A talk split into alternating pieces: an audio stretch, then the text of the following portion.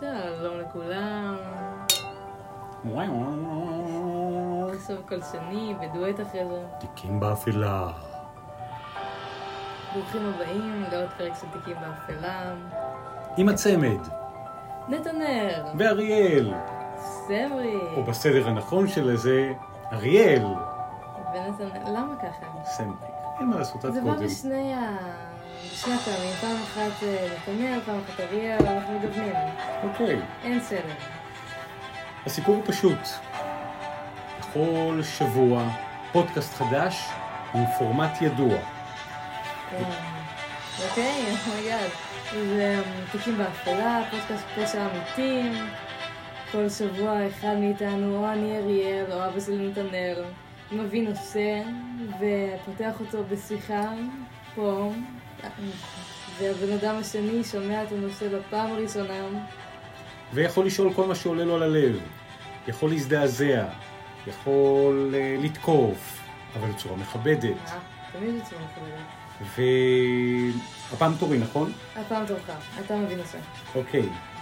אנחנו מקליטים, מצלמים ומשדרים פודקאסט זה בתאריך שהוא מאוד מאוד סימבולי. אחד ל... אחד ל-2022. נכון. פותחים שנה. ומה יותר טבעי מפתיחת שנה חדשה מאשר להסתכל באימה על השנה שהייתה?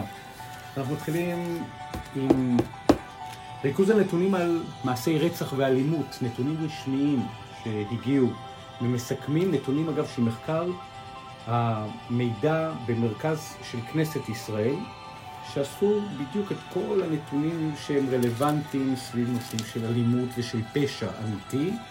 אנחנו בהקשר הזה באים לדוג את הנתונים של מקרי הרצח, שבדרך כלל מאפיינים את הפודקאסט שלנו למקרה פשע אמיתי. אני רק אקדים ואומר, תכף נדבר על הנתונים, דוקטור רצח. דוקטור רצח הוא? גיבור תלת ראשי של הפודקאסט הזה. זו כמו מפלצת עם הרבה ראשים. אנחנו הפעם נדבר על שלושה ראשים. ותכף נבין גם למה, כי זה קורה כרגע בחדשות, בנטפליקס, בכל העולם, עם המון צפיות, דוקטור רצח. אבל לפני זה, הטיימינג הרלוונטי הזה, מקרי הרצח, אז שימו לב, לפי הש... השנתון הסטטיסטי של משטרת ישראל, בשנים 2016-2020 נרצחו בישראל 513 בני אדם, מהם רוב גברים ורוב נשים, מחוץ פרוע, נשים. רוב גברים, מה? רוב גברים. 513 בני אדם, מהם 122 נשים, זאת אומרת, בסביבות ה... אה, כמעט 400 גברים. וואו. זאת אומרת, הרבה יותר גברים נרצחים. אה, לא שזה מקל, לא שזה מצדיק, אבל סיטואציות שונות. לגמרי. 40 אחוז מהנשים שנרצחו, סך הכל 48 נשים בסך הכל, נרצחו בידי בני זוגן. יש פה סטטיסטיקות, יש פה גרפים, כאשר הנתון ביחס בשנת 20 גבוה יותר מבשנת 19, נמוך יותר בשנת 18. ואנחנו הולכים לדבר בהקשר הזה על הנתונים מתחילת 20 עד נובמבר 2021. שנה החולפת נרצחו 49 נשים, 26 נשים בשנת 2020. זאת אומרת, כמעט הוכפל מספר הנשים שנרצחו במהלך השנה החולפת. ועל פי הפירוט של נתוני משטרת ישראל, הם מתייחסים לשנה מלאה, ויש פה גרפים ויש פה סטטיסטיקות אתה רוצה להראות למצלמה? כן, בהחלט. אנחנו נעזור לכם לפענח את כל הגרפים, הגרפיקות והסטטיסטיקות בפודקאסט הזה שלנו, תיקים באפלה, נתונים מעניינים. אוקיי, בשנת 2020 דיברנו על אה, 147 קורבנות רצח בשנת 2020, החמש ומשהו מתייחס לכל השנים, כאשר מתוכם כמה אה, נשים יהודיות בערך? תספר לי. 11. כמה גברים 19. לגמרי. לא קראתי את דמי הדף. מה פתאום? קצת קראתי את זה מה? מהדף, אבל אני פשוט נותן לך להציץ. סבבה. בפעם הראשונה פה בשידור, כאשר יש 15 נשים ערביות ו-94 גברים ערבים. זאת אומרת, האוכלוסייה שבעיקר נרצחת במדינת ישראל בשנה החולפת היא גברים ערבים. דיברנו על הפשיעה במגזר הערבי וכולי. גם יש יותר נשים ערביות שנרצחות מנשים יהודיות. לגמרי, לגמרי. זאת אומרת, בתוך הרצח של הנשים, הזיקה לחשוד, רובם בני זוג, יש גם רצח בתוך המשפחה, רצח זר, מקרה אחד, של אדם שהוא זר ביחס לא, לא, לאישה, ויש שבעה מקרי רצח של חשוד לא ידוע. זאת אומרת, הרצח הזה לא פוענח ולא יודעים, ועדיין חוקרים, ועדיין מבררים. בסך הכל, מתחילת 2021 עד נובמבר 21, 23 נשים נרצחו, רובן ערביות, גם נשים יהודיות, וגם שלוש נשים מקבוצות אוכלוסייה אחרות. זה ככה שיהיה לנו קצת סטטיסטיקה, מה את אומרת אריאל על הנתון המפתיע שבעצם רוב הנרצחים במדינת ישראל בשנה החולפת הם דווקא גברים? לא, זה יש גם רצח יותר של המגזר הערבי. לגמרי, בהחלט. אבל בנתונים מדהימים, הרבה יותר ערבים גברים נרצחים. כן, יותר מדברים בדרך כלל על רצח נשים, אז מאוד הפתיע אותי שיותר... זה הכוח של התקשורת. התקשורת יכולה לשים spotlight על נושא חשוב, משמעותי, או חשוב בעיניה ומשמעותי, ואז כל יתר הנתונים לכאורה אה, או מתגמדים או נזנחים, יש לנו פשוט הבאנו את הסטטיסטיקות ופשוט נותנים לכם לשפוט ולראות מה רלוונטי, ואיך רלוונטי, וכמה רלוונטי. אז עכשיו אנחנו הולכים לדבר על המקרה שאנחנו הולכים להעיר אותו ספציפית עכשיו, שהיא אה, תופעה. לא ידעתי עד שצללתי לתוך הנתונים שמדובר בתופעה. לתופעה הזאת יש שתי מילים, דוקטור ומוות. דוקטור מוות. אז מסתבר...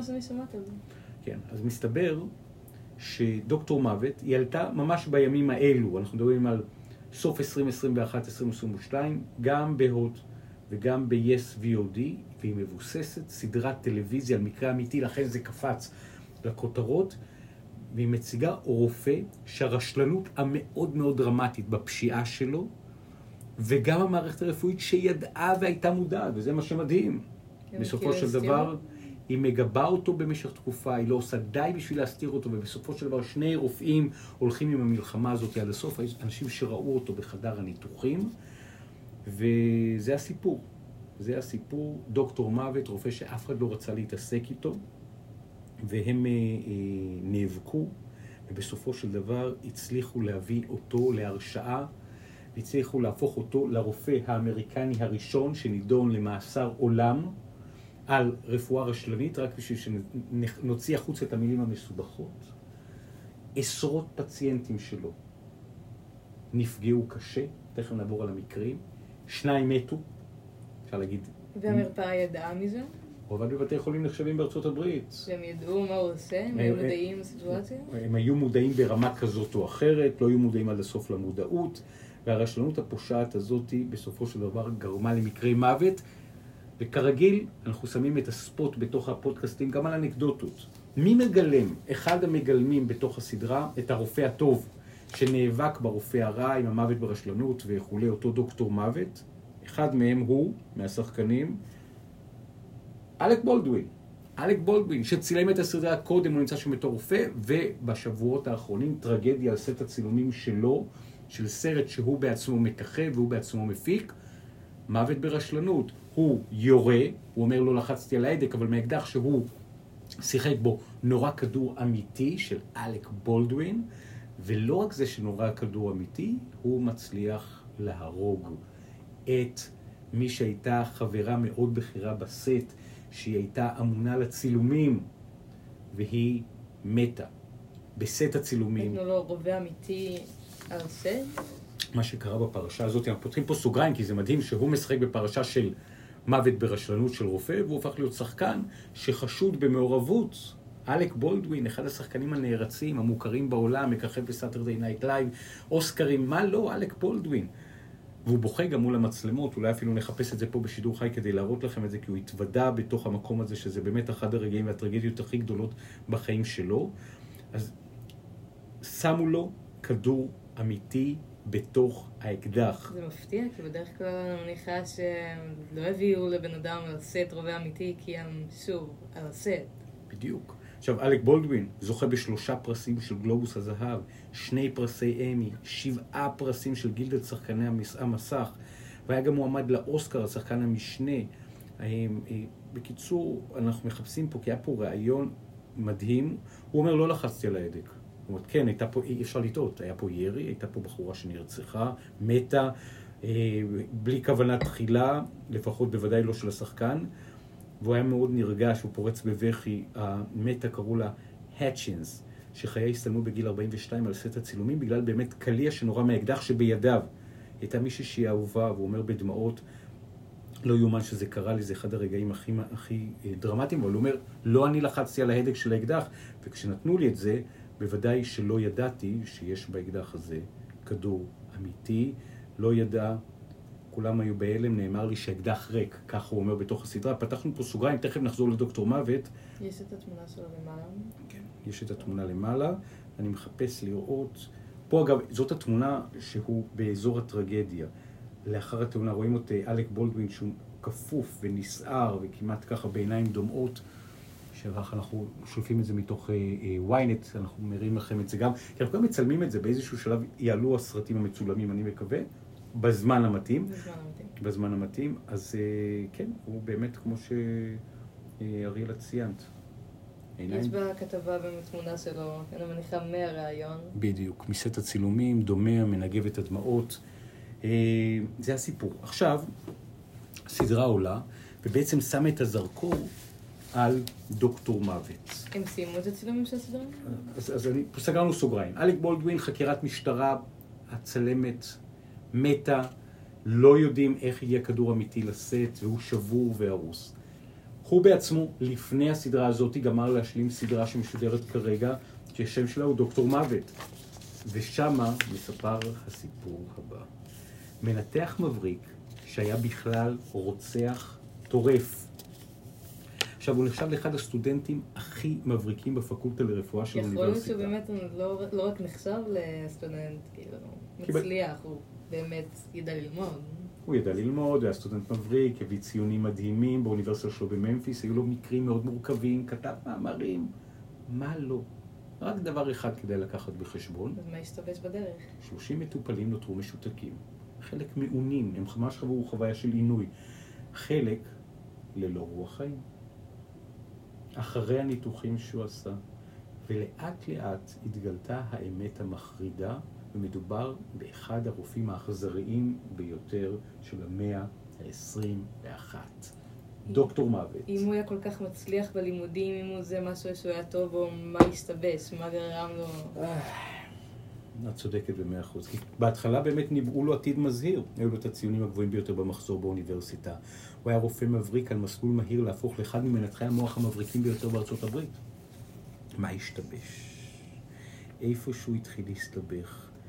כי בסופו של דבר, בדברי הימים, הוא עכשיו בכלא, אגב, הרשעה לא מזמן, זה רק היה בעשור הקודם, אבל הוא נאשם שהתעלל בכוונה בעשרות מטופלים.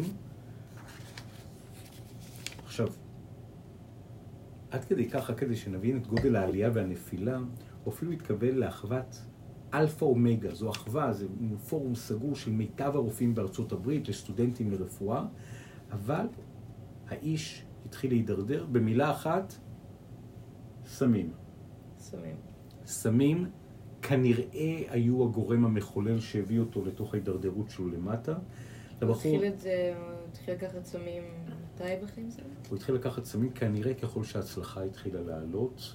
אחרי כנראה- הלימודים, בזמן הלימודים. אז אנחנו יודעים שכשהוא עבד, אז הוא לקח סמים. מתי זה התחיל? תכף נשמע את העדות המעניינת מאוד של מי שהייתה בת הזוג שלו, שגם היא לקחה את הסמים האלה יחד איתו.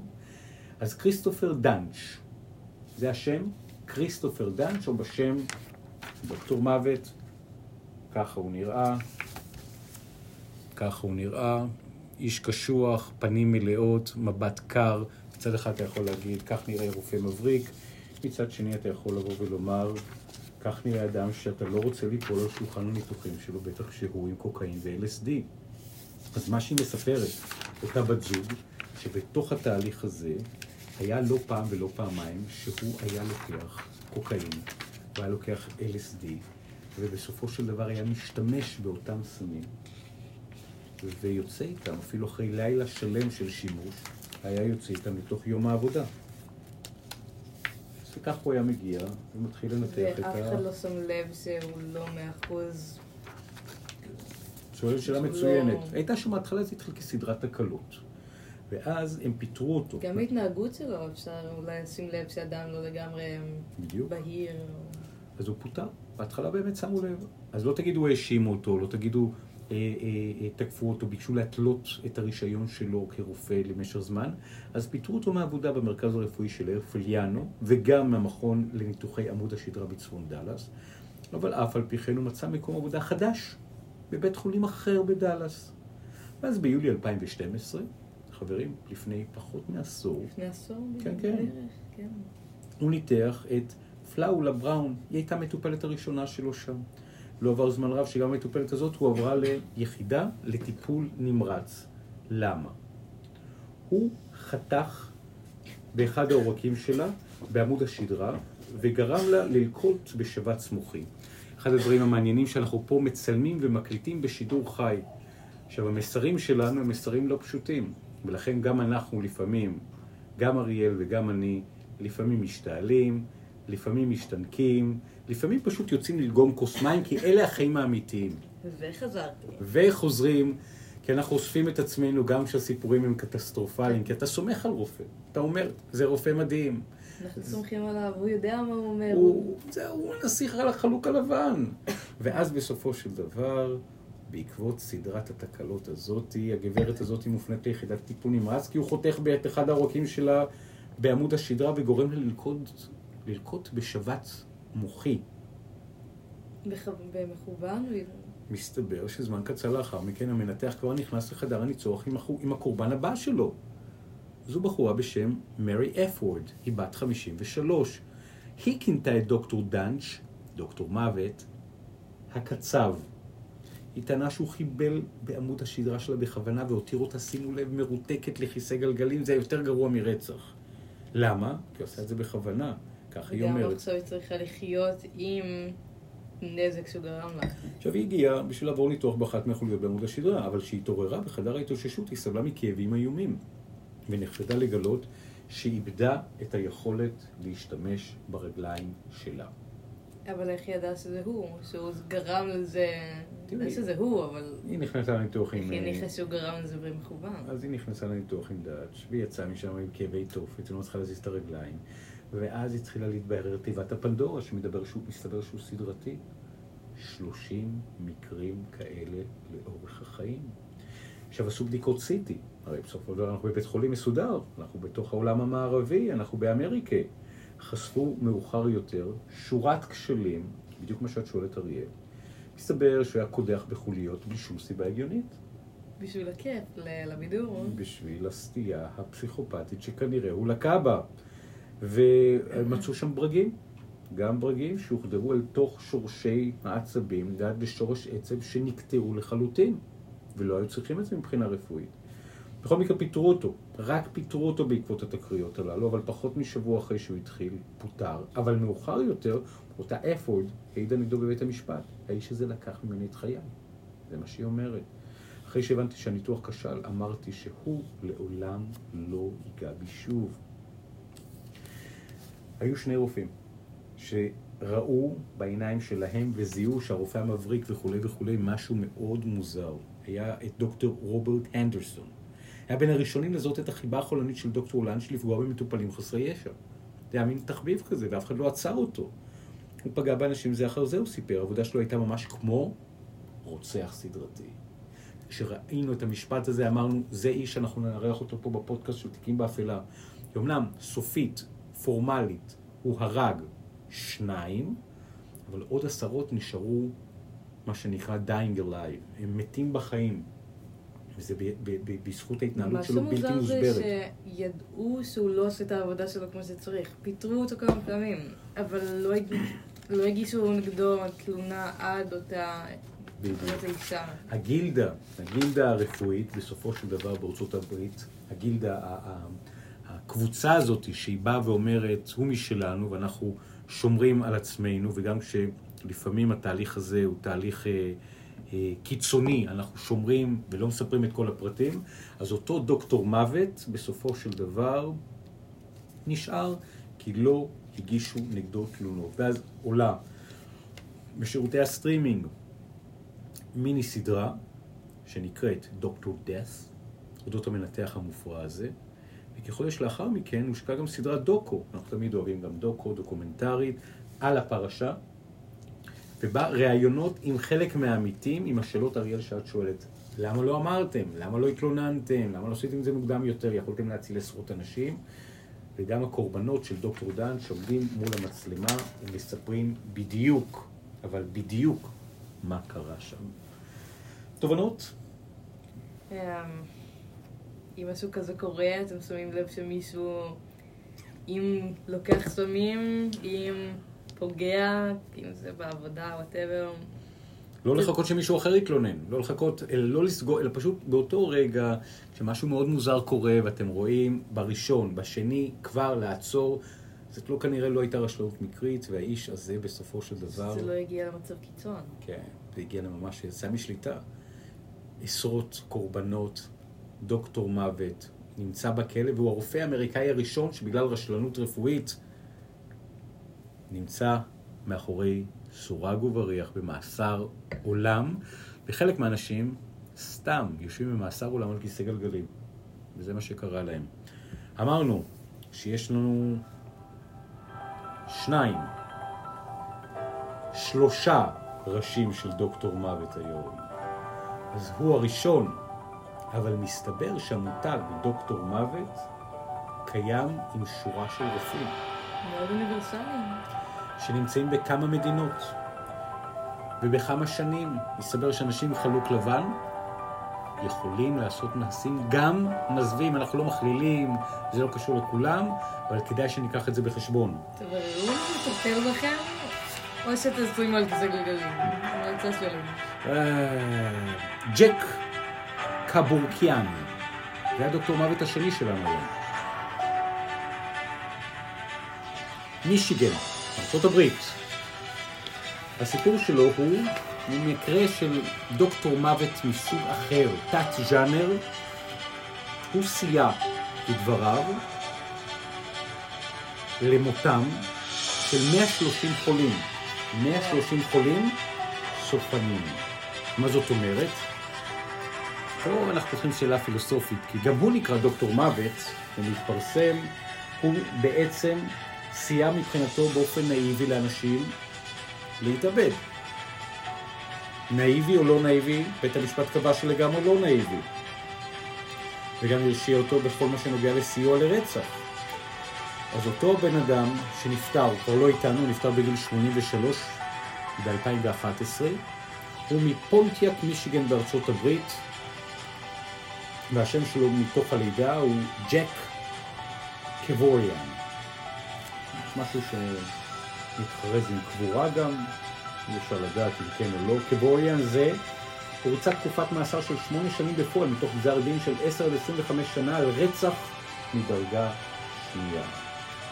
אבל מה? הוא קיבל חנינה להתנהגות טובה, בתנאי שלא יעזור עוד לחולים סופניים לבצע התאבדות. הוא נולד למהגרים ארמנים במישיגן. סיים ללמוד רפואה ב-1952. הוא התמחה בפתולוגיה. התת ז'אנר של רפואה שעוסקת בגופות, במתים, בהרוגים, הוא נמשך לזה. והוא חקר את זה ופרסם מאמרים לאורך כל תקופת חייו. במהלך חייו סייע קבוריאן ל-130 חולים סופניים להתאבד. 130, המון. זאת אומרת, אם אנחנו לוקחים אה, משהו כמו אחד בשבוע בממוצע, מגיע לך אתה יודע בן איזה אדם... משך זמן שהוא עבד? שנים. חלקם הוא הזריק להם חומרים רעילים, חלקם נשימת פחמן חד-חמצני. החולה הראשונה שלו הייתה ג'נט אדקינס, חולה במחלת האלצהיימר. הוא סייע לה להתאבד ביוני 1990. איך הוא עשה את זה? איך הוא עשה את זה? מכונית פולקסווגן מסחרית. אתה רוצה לפרט? כן, הוא המציא מכונת התאבדות, מתוך חומרים שהוא קנה. והמכונת התאבדות הזאת, בסופו של דבר, עזרה לו אה, הוא, הוא אסף את אגב את החומרים, אם את מתעניינת במה שנקרא גראז' סייל, במכירות חצר, הוא אסף את כל הפריטים והוא הרכיב אותה בחנות גם לחומרי בניין, הוא אסף את הפריטים ויצר מכונת התאבדות, ואז, אחרי שהוא עזר לה להתאבד, נפתחו נגדו הליכים משפטיים, אבל הוא זוכה בסוף מאשמת רצח. זה הבחור, רק שתבינו, דוקטור מוות, מספר 2 בפודקאסט הזה, בהרצאה באוניברסיטת פלורידה, מרצה באוניברסיטה.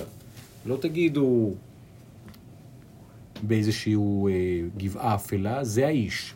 כפי שאנחנו מראים אותו פה למצלמות. נראה סבא נחמד. כן, לגמרי, עד שהוא גם נכח במותן של שתי חולות נוספות שלו.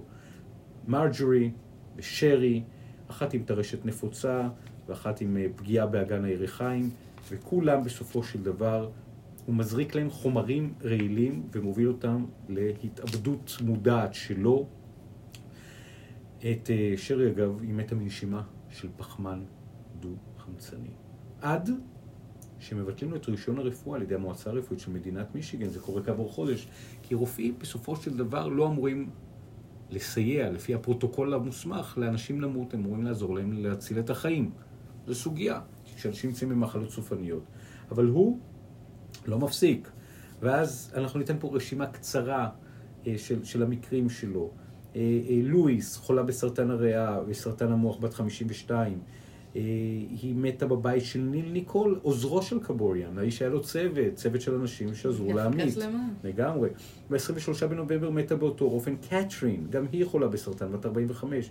וזהו המקרה הראשון מתוך עשרה בשלושה חודשים הבאים, כאשר קבוריאן נוכח בזמן המוות. זאת אומרת, הוא נמצא שם, הוא מוודא ומלווה את האנשים אל תוך מותם בתור רופא, הוא מביא את הידע הרפואי שלו, ולא סתם קוראים לו דוקטור מוות, 130 איש. ואז מגיע בית המחוקקים של מישיגן וקובע בחוק שאסור לסייע להתאבדות. זה, החוק הזה נכנס לתוקפו ב-1993.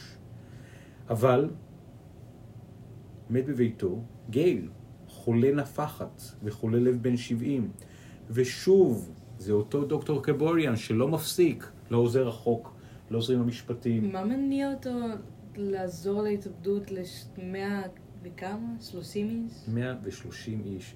יותר מזה, הוא פותח בשביתת רעב בבית הכלא ומסרב לשלם את הערבות של 50 אלף דולר. אני באמת לא מבינה מה גרם לו לעשות את זה, למרות שניסו לעצור אותו כמה פעמים, הוא צריך חוק בגללו, שאוסר אז- אז- עזרה להתאבדות. הוא היה רוצח אידיאולוגי במובן הזה. זאת אומרת, מה זאת אומרת? הוא אומר, זה לא רצח. אם בן אדם איבד את היכולת ואת הזכות ואת ה, את ה, את ה, את השליטה שלו על גופו, אז העזרה שאני, כך הוא חשב, דוקטור מוות קבוריאן, העזרה שאני אעניק לו, כדי שהוא יוכל למות, זאת העזרה הרפואית שבעצם עושה איתו טוב. זה השירות הרפואי שהוא זקוק לו, וזה השירות הרפואי שאני רוצה לתת לו, אני עושה את זה ביודעין, אני מוכן לשלם על זה מחירים, אבל אני מאמין בזה, אני כותב על זה מאמרים, אני חוקר באוניברסיטה, אני בונה מכונות התאבדות. אללה, איסטור ולהקתו. 130 מקרים. בסופו של דבר, עוד ועוד, פותח, בסופו של דבר, ב-95, קבוריאן פותח קליניקה להתאבדות במישיגן. מגיעה המטופלת הראשונה, אריקה, חולת ALS, ניוון שיש, שיש, אה, שרירים, בת 60. לאחר מכן, יש שם עוד אנשים שבאים, אז בעל הבניין דורש לסגור את המקום, כי את יודעת, זה לא נעים. באים אנשים והם לא יוצאים. ב-14 בספטמבר הופיע למשפט בעניין מותן של ונץ ומילר, כאשר הוקברו בשלשלאות. באוקטובר קבוצה של רופאים ומומחי רפואה אחרים חותמים על עצומה, וזה מדהים, תומכים בקבוריאן. כמה חתמו? עשרות. וואו. והיא קובעת כללים לסיום מכובד. קבורקיאן הזה, שכשם שמו הוא בענייני קבורה סדרתית, מאמין מאוד. אז הוא דוקטור מוות מסוג אחר. היא כאילו הקורבנות שלו, להבדיל מהדוקטור מוות הראשון שדיברנו, והוא כוכב הסדרה, פה הקורבנות רוצים בסופו של דבר עזרה רפואית כדי למות. אז למה הם לא תוקעים לעצמם כדור בראש? או מתאבדים באיזה דרך מכובד. אלגנטי? זה כאילו, רפואי. זה בדיוק. נותן לזה איזה שם, אה, נותן לזה איזו לגיטימציה. לגמרי. הוא רופא, הוא... הוא רופא, אני הלכתי. לרופא ואני הולך לקליניקה.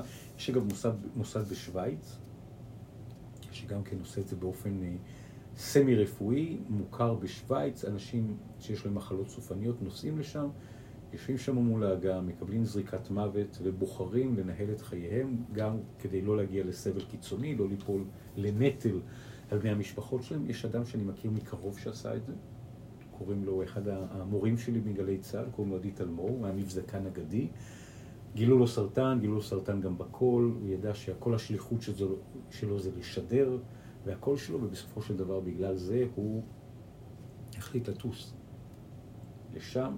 מעניין. שם קץ לחייו, כתב כתבות בכתב ידו העגול, אני תמיד זוכר איך הוא היה כותב במבזקים, כתב כתבות אה, לזכרו, איך הוא רצה שיתפרסם, מתי שיתפרסם, הוא לא סיפר לאף אחד, לא למשפחה, הוא שלח את זה בדואר, בעודו בחיים, ובסופו של דבר הכתבות, המבזקים, הכל, הוא ממש ארגן לעצמו הלוויה בהקשר הזה, סדורה ומסודרת, שנתנה כאילו לו... הוא ראה שכאילו הקול שלו זה כל החיים שלו, אז בלי הקול אין לו למה להמשיך. מעניין. לגמרי. ואני רוצה, ברשותכם, אה, אגב, רק שתדעו על הדוקטור אה, אה, המספר 2 שלנו, קבורקיאן, מזריק החומר הרעיל לגופו, אז במסגרת התוכנית המיתולוגית האמריקאית, העובדה האמריקאית, 60 Minutes של רשת CBS, רואים את קבורקיאן מזריק חומר רעיל לגופו של חולה ALSS, והוא היה שותף פעיל בגרימת המוות, ואז הוא הואשם ברצח בכוונה תחילה, עבירה על חוק האיסור על סיוע בהתאבדות, הוא עשה את זה מול המצלמות, ובסופו של דבר התביעה ביטלה את ההאשמה, את האשמת ההתאבדות מאוחר יותר, אבל הוא כל הזמן היה על התפר. את יודעת מה הוא ניסה לעשות? מה הוא ניסה לעשות? להיבחר לקונגרס מטעם מדינת מישיגן, ולמרבה התדהמה הוא גם קיבל אחוז מסוים מהקולות, 2.6 אחוזים מהקולות שאמרו, זאת הדרך שהוא רוצה להביא, והיא דרך לגיטימית ורלוונטית, וערוץ ערוץ HBO הפיק סדרת טל- הטלוויזיה דוקטור מוות ומיסטר ג'ק, You Don't Know Jack, המבוסס על הפעילות של ג'ק קבורקיאן בהשתתפות אל פצ'ינו. הסרט הוקרן באפריל 2010 וזכה בפרס האמי וגלובוס הזהב. זאת אומרת, גם פה דוקטור מוות זוכה לחשיפה תקשורתית יוצאת דופן, ואתרים ומעריצים. זה מה שהיה שם. אנחנו ניגע רק עוד נגיעה אחת, כי אמרנו שלושה ראשים של דוקטור מוות, אז אנחנו נוגעים בהקשר הזה גם בנגיעה הבאה. דוקטור מוות מספר שלוש.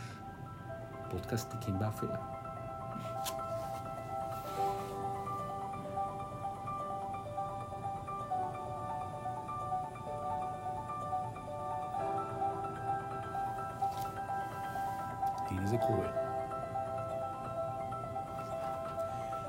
הרוד שיפמן, אנחנו נוגעים במספר שלוש, גם הוא.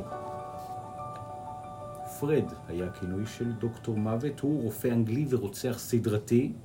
הוא הורשע ב-15 מקרי רצח ונידון למאסר עולם. לאחר משפטו הוא בריטי. עברנו מאמריקה, חצינו את האטלנטי, אנחנו כרגע בבריטניה באירופה. ובו התגלו עדויות ששיפמן רצח 215 ממטופליו, ונקבע כי יכול להיות שמספר הנרצחים הידוע הוא יותר מ-250. יש עדויות וטענות שמספר הנרצחים שלו היה באזור ה-400. אבל זה המספר שחד משמעית הוא התוודע עליו. הוא התוודה, הוא נחשף, הוא היה מחסל את המטופלים, הוא היה רוצח סדרתי, רופא הגדול ביותר, הגדול כמובן, המזוויע ביותר אה, בבריטניה, וזה התגלה אחרי שמטופלת של שיפמן מתה ביוני 98, ואז גילתה הבת שהצוואה שלה שונתה, והיא הורישה לכאורה את כל רכושה למי? לדוקטור שיפמן, דוקטור מוות הבריטי, ולא לילדים. ואז היא פנתה למשטרה, והגופה של המטופלת הוצאה מהקבר ונבדקה, ומצאו את עקבות הסם הרואין, שמישהו הזריק לה לתוך הגוף. עצרו אותו בספטמבר 98, ומצאו שם מכונת כתיבה מאותו סוג, ששימש להדפסת הצוואה המזויפת, שהדוקטור קיבל את כל הרכוש של המטופלת שלו. ואז התחילו לחקור מקרים אחורה של המטופלים שלו, ומצאו דפוס זהה. הוא נהג להזריק למטופלים כמויות גדולות של אותו סם, לחתום על תעודות הפטירה, לזייף מסמכים רפואיים המעידים כביכול על רפואה לקויה, ובחלק מהמקרים גם לקבל את כל, ה... כל הירושה. כל הירושה, ואז הוא הורשע ברציחת 15 מטופלים אגב, מטופלות, כדי להיות מדויק, 15 מטופלות, בין השנים 95 ל-98. מאסר עולם, עם המלצה לא לשחרר אותו לעולם, וגם הורשע בזיוף הצוואה, ונידון גם על זה או לעוד 14 שנים. מדובר על המניע שלו? מעולם לא הסביר את מעשיו. עשו שם ועדת חקירה להבין איך קורה דבר כזה. והיא קבעה שבמשך 23 שנים הרופא הרג יותר מ-250 מטופלים, וייתכן והמית עוד 45. סוף הפרשה, אנחנו מדברים על ינואר 2004, לפני משהו כמעט כמו 18 שנה, ערב יום הולדתו 58, שיפמן, דוקטור מוות מספר 3, נמצא תלוי בתא שלו ללא רוח חיים. דוקטור דוח מטעם בית הכלא קובע כי הוא תלה את עצמו מאחורי הסורגים באמצעות סדינים וואו. מהמיטה שלו.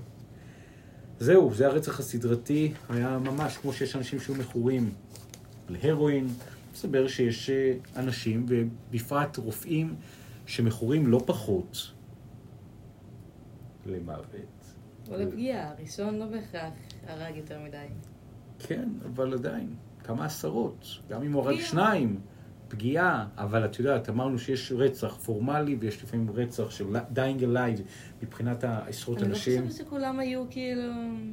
אני חושבת שרובם הצליחו להתמודד עם הפגיעה שלהם, זה לא, לא כל פגיעה פיזית הורגת גם את הנפש. נכון, אבל... אבל עדיין קוראים לו דוקטור מוות, כי גם כן, הוא הרג שניים. הוא הרג, הוא הרג. זה לא, בשביל... לא ניקח לו את זה. לגמרי.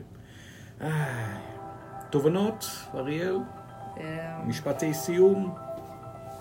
הבאת נושא מעניין. תודה רבה. בבקשה, בת שלי. תובנות שלך? האמת היא שמוות והתנהגות אה, פסיכית היא, היא חוצה כל מקצוע. כי תכף אתה אומר עורך דין, או רופא, או בעל מקצוע חופשי, זה לא איזה מישהו שגדל באיזה עיירת סלאמס ו, ו, ו, וכולי. אתה יכול להיות עם חלוק לבן ולעבוד במקצוע, ועדיין אנשים זה אנשים, משהו קרה שם. הייתה איזושהי פגיעה בילדות, בנעורים, לפני העבודה, חוסר יכולת להתמודד עם הצלחה, והבן אדם פועל נגד. במקצוע הזה אפשר בקלות להוציא את זה על מישהו אחר. כשאתה מנתח אדם שככל הנראה בזמן הניתוח אין לו יותר מדי שליטה או משהו נגדך, בשנייה אתה יכול אה, לתקור לו איפשהו, לגמרי. ולהזיז משהו לא למקום. ומה שמדהים הוא הקריאה לכולנו. אם אנחנו עדים להתנהגות שהיא מוזרה, לעשות דבר מה. להתלונן, להחזיק עיניים פתוחות, להסתכל על הדברים. זה גם קשור לסטטיסטיקה שדיברנו על מקרי הרצח המדהימים במדינת ישראל בשנה החולפת, אבל גם אה, בסיטואציה שהיא לכאורה. זאת לא הזמנה לפרנויה. 99.9999, 9% מהרופאים הם מדהימים, מצילי חיים. אבל יש משהו בדוקטור מוותים האלה, שהאבא המייסד שלהם אגב הוא מנגלה, הרופא הנאצי שעשה ניסויים בבני אדם והרג מאות ואלפים, היה שותף לתוכנית הרצח הנאצית, אבל כל הדוקטור מוותים האלה, השלישייה שהבאנו ועוד נביא, אולי באחד הפודקאסטים הבאים, כי יש עוד דוקטור מוותים, הם כאלה שפותחים דלת למקום של מצד אחד אמון, גם באיש המקצוע שמלווה אותך, מצד שני בעיניי ערנות. להיות בערנות. בכל נושא שהוא, לא בהכרח גם ברפואה, אבל רפואה, פסיכולוגים, מטפלים, יועצים, מנטורים, פשוט להיות שם בערנות כדי לשים לב אם הבן אדם שם באמת, אבל באמת, עושה את הכל כדי לעזור לנו. תיקים באפלה, של דוקטור מוות, דוקטור מוות, כן? עם אריאל סמריק. איזה כיף שאנחנו ביחד. אתם נחשפים בשלל אה, ערוצים לפודקאסט הזה, אתם מוזמנים להגיב. כרגע הפודקאסט באפל פודקאסט ובספוטיפיי, כנראה יעלה בערוצים נוספים, נעדכן. ואתם מוזמנים להפיץ, מוזמנים להגיב, ולחיות חיים ארוכים, כדי להקשיב לפודקאסטים. זו סיבה כדי לחיות. חד משמעית. תודה לכם שאתם איתנו. ניפגש בפרקים הבאים.